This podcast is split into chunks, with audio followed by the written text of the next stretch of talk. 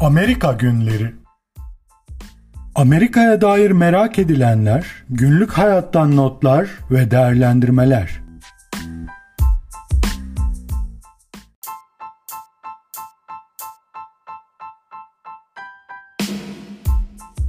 Merhaba sevgili dinleyenler. Amerika Günleri Podcast'in yeni bir bölümüne hoş geldiniz. Malum seçimler yaklaşıyor. Amerikan kamuoyu hatta dünya kamuoyu Amerika'daki seçimlere kilitlenmiş durumda. Bununla alakalı geçen bölümlerde de görüşlerimi beyan etmiştim. Açıkçası benim açımdan çok heyecanlı bir yarış veya seçim olacak gibi gözükmüyor. Nedeni şu, Başkan Trump son dakikaya kadar bu koronavirüs hadisesi olana kadar önde götürüyordu. Yani ekonomik anlamda yaptığı bir takım ataklar veya işte ülkenin e, belli alanlarda gelişmesi, işte işsizlik oranının düşmesi vesaire gibi konularda önde gidiyordu. Adeta hani karşısına kim çıkarsa çıksın kazanacak gibi bir pozisyondaydı. Daha sonra malum korona vakası ortaya çıktı ve korona vakası ile birlikte Başkan Trump'ı eleştiren ekip özellikle koronayı nasıl handle ettiğini yani korona hadisesini nasıl ele aldığından veya işte o süreç boyunca yaptığı açıklamalardan tutun da maskeyi ne kadar ciddiye almadığını varana kadar pek çok alanda Başkan Trump'ı eleştirerek insanların gözünde oy veya güven kaybetmesini sağlamaya çalışıyorlar. Nedeni şu bence bana sorarsanız karşısındaki aday Joe Biden çok heyecan veren bir aday değil açıkçası. Yani öyle ki demokratlar veya benim gibi independent olarak kendini adlandıran kararsız e, seçmen Joe Biden'a eğer oy verecekse bunun tek sebebi Başkan Trump'ın gerçekten ele avuca sığmayan bir insan olması, tutarsız birisi olması, yaptığı açıklamalarla özellikle göçmenlere veya belli eğilimde olan insanlara karşı tavır almasıyla, onları düşmanlaştırmasıyla e, adeta hani Başkan Trump seçilmesin de hani kim seçilirse seçilsin veya hani Trump e, dışında Demokrat Parti'den kim olursa olsun deyip oy verecek bir kitle var. Şimdi seçimler yaklaşıyor. Her e, seçim döneminde Amerika'da şöyle bir e, gündem oluyor. Electoral College diye bir hadise var. Başkan seçimlerinin nasıl seçileceğini, yani başkanlığın nasıl belirleneceği ve vice president'ın da yani başkan yardımcısının da nasıl belirleneceğine dair bir sistem kurulmuş Amerika'da ve bu bizim bildiğimiz şekilde değil. Yani en çok oyu alan aday kazanır şeklinde olmadığı için her sene insanlara bir şekilde Amerikan kamuoyuna dahi bunu açıklama gereği duyuyorlar. İşte televizyon kanalları olsun, işte internet siteleri olsun hep bu gündeme geliyor. Ben de burada her ne kadar internette Türkçe kaynak olarak hani buna ilgi duyan insanlar araştırıp bulabilselerdi bu podcast'in bütünlüğü içerisinde seçimleri de az da olsa gündeme getirmek amacıyla Electoral College nedir? Bundan söz etmek istiyorum bu bölümde. Şimdi Popular Vote diye bir hadise var. Popular Vote en çok oy alan adayın seçimleri kazandığı seçim sistemi. Şimdi diğer ülkelerde başkanlık seçimleri işte Türkiye'de malum yakın zamanda başkanlık seçimine geçen ülkelerden veya e, işte Cumhurbaşkanlığı diyelim, başbakanlık diyelim bir şekilde hani çoğunluğu alan aday genelde kazanır. Ama Amerikan başkanlığı seçiminde bu böyle değil. Yine Amerika her zaman olduğu gibi her alanda olduğu gibi burada da kendini diğer ülkelerden, sistemlerden ayıran bir fark ortaya koyuyor. Şimdi en basit tarifiyle Electoral College nedir? Şöyle, her eyaletin tayin ettiği bir grup insan başkan başkan yardımcısını seçiyor. En basit tarifiyle bu.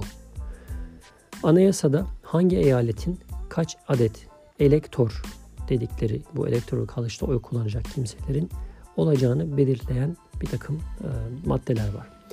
1964 yılından beri toplam 538 elektör bulunmakta. 538 rakamı nereden geliyor diyecek olursanız bunlar bir şekilde kongredeki representative dediğimiz temsilciler ve senatörlerin toplamından oluşuyor. Şöyle ki 435 adet representative temsilci var. 100 adet senatör var ve bunların içerisinde 3 tane de Washington DC'yi eklemişler. Normalde Washington DC'nin representation'ı yani kongrede temsili yok ama Electoral College'da başkan seçiminde Washington DC'yi de bu işin içine katmak e, gerektiği için insanlar neticede oy kullandıkları için onlara da 3 adet hak vermişler. Burada 270 elektör seçmen rakamına ulaşan partinin adayı başkan ve başkan yardımcılığını alıyor. Bu rakam da şöyle belirleniyor. Malum 538 demiştik ya toplam elektör sayısı. 538'i 2 ile böldüğünüzde 269. Buna bir fazla eklediğinizde yani çoğunluğu alan sayı 270 sayısına ulaşıldığında 270 elektörün oyunu alan başkan ve başkan yardımcısı bu seçimi göğüslemiş oluyor. Her eyalet nüfus yoğunluğuyla doğru orantılı olacak şekilde elektör sayısına sahip. Amerika'da her 10 yılda bir nüfus sayımı yapılıyor. En son 2010 ve 2020 yıllarında yapıldı bu nüfus sayımı. Nüfus sayımına göre elektör sayıları artıyor veya azalabiliyor. Şimdi gelelim nasıl bu sistem işliyor? Bundan biraz söz edelim. Biraz karmaşık bir sistem ama basite indirgererek anlatmaya çalışalım. Şimdi seçimlerde insanlar aslında adaya oy veriyorlar. Diyelim ki bu önümüzdeki Kasım ayındaki seçimlerde önümüzde Trump ya da Biden isimlerini göreceğiz. Şimdi insanlar gidip Trump veya Biden'a oy verecekler ve diyelim ki Kaliforniya eyaletinde yaşıyoruz. Kaliforniya'da 55 adet elektör o, hakkı var bu eyaletin nüfusuna göre. Kaliforniya'da en yüksek oyu diyelim ki Joe Biden kazandı seçimlerde. Sayımlar yapıldı. Joe Biden toplam sayı olarak e, Kaliforniya'daki oyların çoğunluğunu aldı. Buradaki elektörler 55 elektör hakkı Biden lehine yazılıyor. Bu 55 kişi Biden'ı destekleyeceğini taahhüt ediyorlar. Zaten bunlar insanlar, bu insanlar daha doğrusu elektör dediğimiz insanlar partinin içinden seçilen, güvenilir diye bilinen, partiye sadık olarak düşünülen insanlar. Bu insanlara elektör yani seçmen, seçici olma hakkı veriliyor.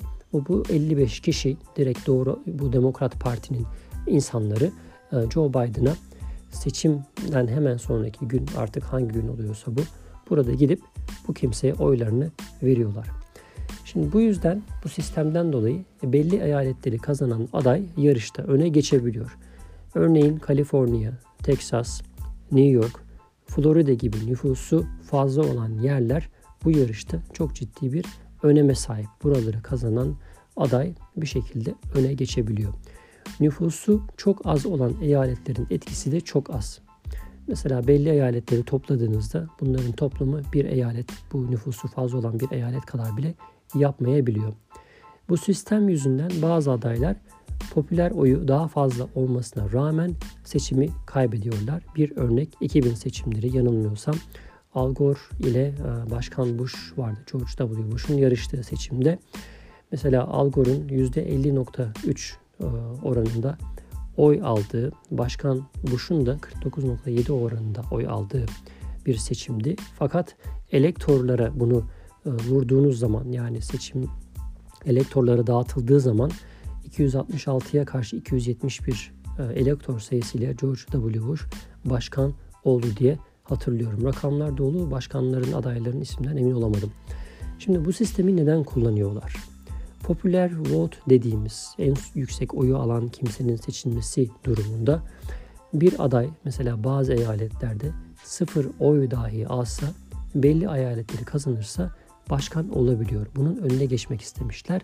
Her eyaletin bir şekilde etkisi olsun, bu seçimde söz hakkı olsun diye böyle bir sisteme yönelmişler ve bunu yaparken de eyaletlere nüfuslarına göre bir dağılım verelim demişler. Tabi nüfuslara 538 sayısını dağıttığınız zaman her zaman e, buçuklu, işte yüzdeli, ondalıklı olarak dağıtılamayacağı için tam sayıya çevrilmesi gerektiği için burada bir e, hani temsil noktasında kayma oluyor. Eğer bu sayıyı hani elektör dediğimiz şahıslar üzerinden yapmasalar e, direkt doğrudan yüzdeleri böyle e, ondalık olarak vesaire bölüp bunun etkisini e, şeylere dağıtsalar zaten aynı şey olacak. Bu yüzden buradaki bu dağılımdaki yani elektörlerin eyaletlere dağılımı tam sayı olarak dağılmasından kaynaklanan kaymadan dolayı bu aslında matematiksel bir e, şeye dönüşüyor. Yani ayrı bir hadiseye dönüşüyor seçim noktasında.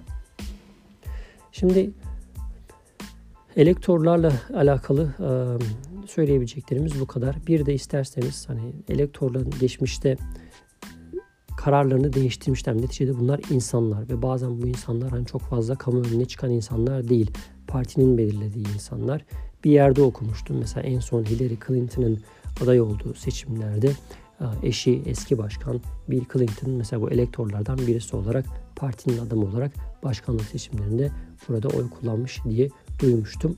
Elektorlar dediğim gibi partinin sadık e, gönüllüleri oluyor fakat geçmişte bazen partinin aleyhine oy kullandıkları veya boş e, oy pusulası attıkları da görülmüş. Nadir de olsa bu tip hadiselerde oluyor ama bunlar genel olarak e, çok fazla karşımıza çıkan şeyler değil. En son 2000 senesinde yanılmıyorsam böyle bir boş kullanma hadisesi olmuş. Bunun dışında e, bu bölümü kapatırken bir de hazır seçim yaklaşmışken çok kullanılan e, bir iki tabirden de söz edelim. Mesela safe states diye bir tabir var. Genellikle politik eğilimleri belli olan eyaletler. Yani o o eyaletlerde kimin kazanacağı, hangi partinin kazanacağı az çok belli. Mesela demokratlar lehine Oregon, e, işte Maryland, Michigan veya Massachusetts gibi eyaletlerin hep demokrat adayları desteklediği son işte 4 seçimde hep demokratları desteklediği ve e, başkan adaylarının neredeyse bu eyaletlere hani kesin gözüyle baktığı eyaletler. Republicanlar nazarında ele alacak olursak tabii daha çok iç eyaletler onlara hitap ediyor. Mississippi, Alabama, Kansas veya Idaho gibi eyaletler de Republicanlar açısından safe states olarak nitelendirilebiliyor. Bir de swing state kavramı var. Çok sık karşımıza çıkan bir kavram. Bu da hani oy kullanma noktasında hangi partiye eğilimi olacağını az çok tahmin edemediğimiz veya değişiklik gösterdi. İşte bir seçimde demokrat kullanmış, bir sonrakinde Republican'e kaymışlar. Yani eyalet genelinde böyle bir değişiklik olabiliyor dedikleri iki eyalet karşımıza çıkıyor. Burada Ohio ve Florida eyaletleri swing states olarak karşımıza çıkıyor. Evet genel olarak Electoral College meselesini burada anlatıp e, izah etmeye çalıştım. Umarım faydalı olmuştur. Bundan sonra da malum seçim dönemi yaklaşıyor. Her ne kadar az süre kalsa da belki seçimlerle alakalı yine bir değerlendirme yapmak mümkün olabilir. Şimdilik hoşçakalın.